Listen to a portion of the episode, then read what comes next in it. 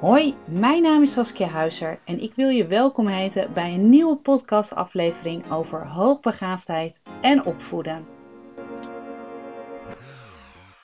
Nee, niet doen. Nee, nee.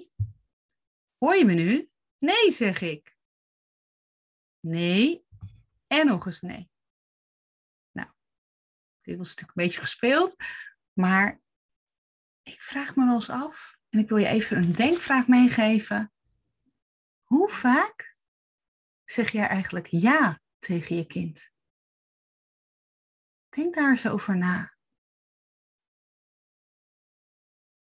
Nou, waarom ik dit zeg eigenlijk, is dat ik wat wil vertellen, een inzicht. En daar ben ik al langer achter gekomen. Maar ik wil dat inzicht heel graag met je delen. Want ik denk dat het, dat het je heel veel kan ja, geven eigenlijk.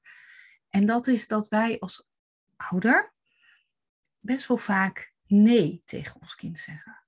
Ons kind mag dit niet, dat niet, zus niet, nou, van alles en nog wat.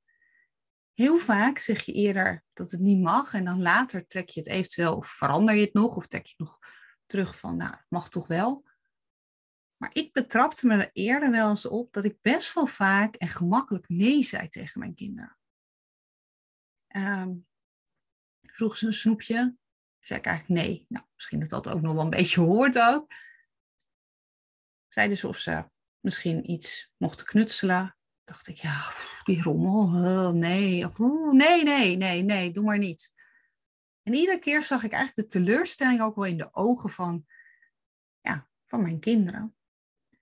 En wat ik, wat ik op een gegeven moment me realiseerde, een paar jaar geleden, was dat als mijn kind dus met een leuk idee komt, bijvoorbeeld dus te gaan schilderen of te gaan kleien, waarbij ik denk, al help, dan wordt de tafel dan heel erg gerommel. Oh, dan zal ik het zo direct wel moeten opruimen. En als ik dan nee zeg en ik kijk naar mijn kind, dan zie ik gewoon een teleurgesteld kind. Want mijn zoon heeft dan een heel leuk idee. En eigenlijk weet ik het meteen tegen te houden. En hij wil het ook heel enthousiast vertellen en hij wil ook meteen aan de slag. Maar ja, op het moment dat hij zijn idee helemaal vertelt, en dat zijn vaak hele grote ideeën, dat, dat zie je vaak bij kinderen met een ontwikkeling voorsprong of hoogbegaafde kinderen. Die hebben fantastische ideeën, maar jij denkt als ouder al, hmm, ik weet het niet. En nou mijn hoofd begint eigenlijk, of die begon eigenlijk altijd meteen te ratelen al van, oh help, ik weet niet of ik dit wil. Hmm, hier heb ik geen tijd voor. Ik moet zo weg. Ik wil zo eten koken. Dan kan ik niet dit doen. Uh, rommel, visite. Nou, van alles en nog wat. Allemaal belemmerende factoren kwamen er in mijn hoofd. En ik had van allerlei ideeën in ieder geval erover. En ja, ik weet niet of jij dat ook zo ervaart. Maar ik dacht echt, oké, Hij geluid maken met zijn idee? Hij gaat met lijm werken, gaat een rommeltje worden. En wie ruimt er aan het einde van het knutselproject dan de rommel op? Uh, wat denk jij? Yep, it's me, denk ik dan. En ook al denk ik dan, zucht, nee, help, dat wil ik niet. Ben ik op een gegeven moment toch ja gaan zeggen. En wat ik toen zag, zeker de eerste keer dat ik ja zei, zag ik echt mijn kind zo kijken. Huh? Mama? Zegt ze ja? Mag ik dit doen? Mag ik inderdaad geluid maken? Mag ik inderdaad het een en ander in elkaar timmeren? Ja, het mag. En ik wil je heel graag delen waarom ik dit doe en wat, ik, wat er dan dus ook gebeurt. Is omdat ik heel erg zie dat mijn kind ehm, zijn ideeën wil uitvoeren. En dat mijn kind daar ook enorm van kan leren. En ik doe dat dus ook omdat ik hem gun om ook ervaringen op te doen. Ervaringen die, nou ja, het kunnen uh, positieve ervaringen zijn. Het zouden eventueel ook ervaringen kunnen zijn die negatiever zijn. Dus misschien wat falen of zo. Maar dat kan ik alleen maar doen als hij iets mag uitvoeren. Dat kan hij alleen maar ervaren. En eigenlijk doe ik het ook wel omdat ik hem iets wil leren.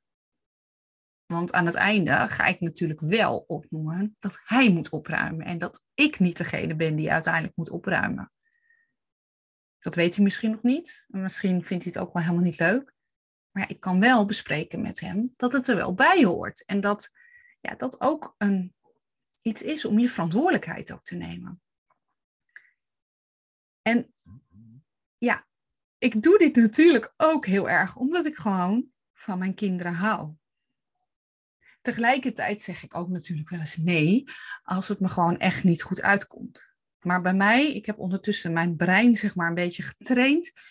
En als ze komen, dan hoor ik in eerste instantie, gaat mijn hoofd ratelen en, en draaien. En denk ik, ah nee, dat wil ik niet. Maar is dit beter voor mijn kind? En dan meestal kom ik toch op het antwoord ja uit. En dat is al een heel snel proces. En dan zeg ik, ja hoor, doe maar. En dan zeg ik tegenwoordig wel. En waar ga je op letten? En dan is het inderdaad dat ik inderdaad nou ja, uh, krant op de tafel leg of zo. Of ze gaan schilderen. Of dat ik ga opruimen. Ze weten het precies al. En op die manier stimuleer ik heel erg het enthousiasme van mijn kind. En dit zorgt ervoor dat mijn kind een heel goed gevoel krijgt.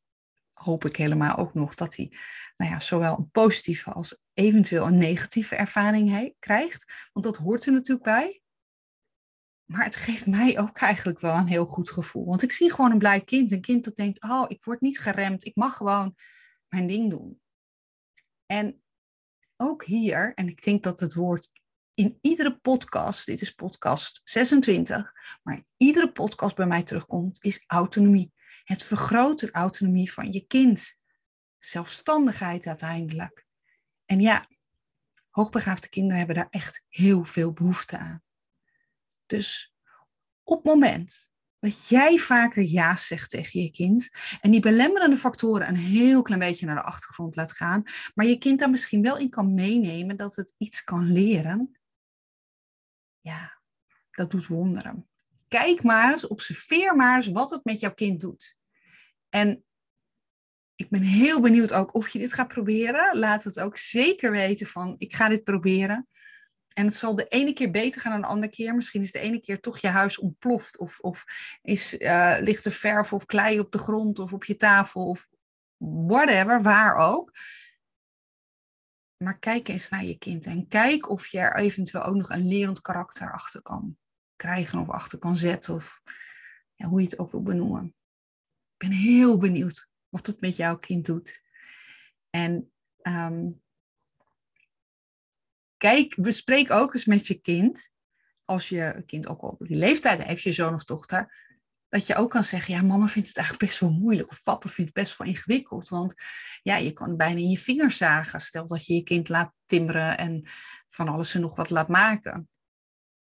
Ja, maar voor jezelf is dat ook best wel een les eigenlijk. Dat je ook ergens leert om het los te laten en om te zien dat je kind eigenlijk best wel veel capaciteiten en talenten heeft. En als het een keer niet goed gaat, en dan bedoel ik niet met het zagen,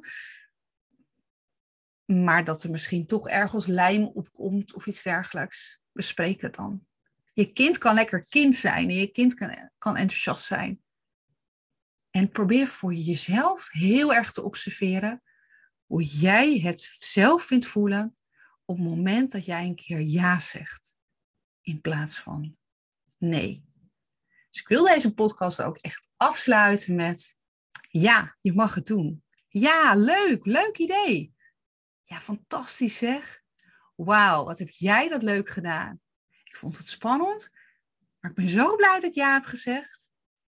Dus ik sluit af met yes, yes, yes. Leuk als je een reactie wil achterlaten en hoe jij hiermee bent omgegaan en of je dit ook uitgeprobeerd hebt. Heel erg leuk. Mocht je nog meer ideeën hebben of je hebt vragen voor deze podcast, dan mag je ze natuurlijk altijd stellen. Via Instagram of Facebook kun je mij bereiken en uh, mag je je vraag over hoogbegaafdheid en opvoeden of een combinatie daarvan absoluut stellen.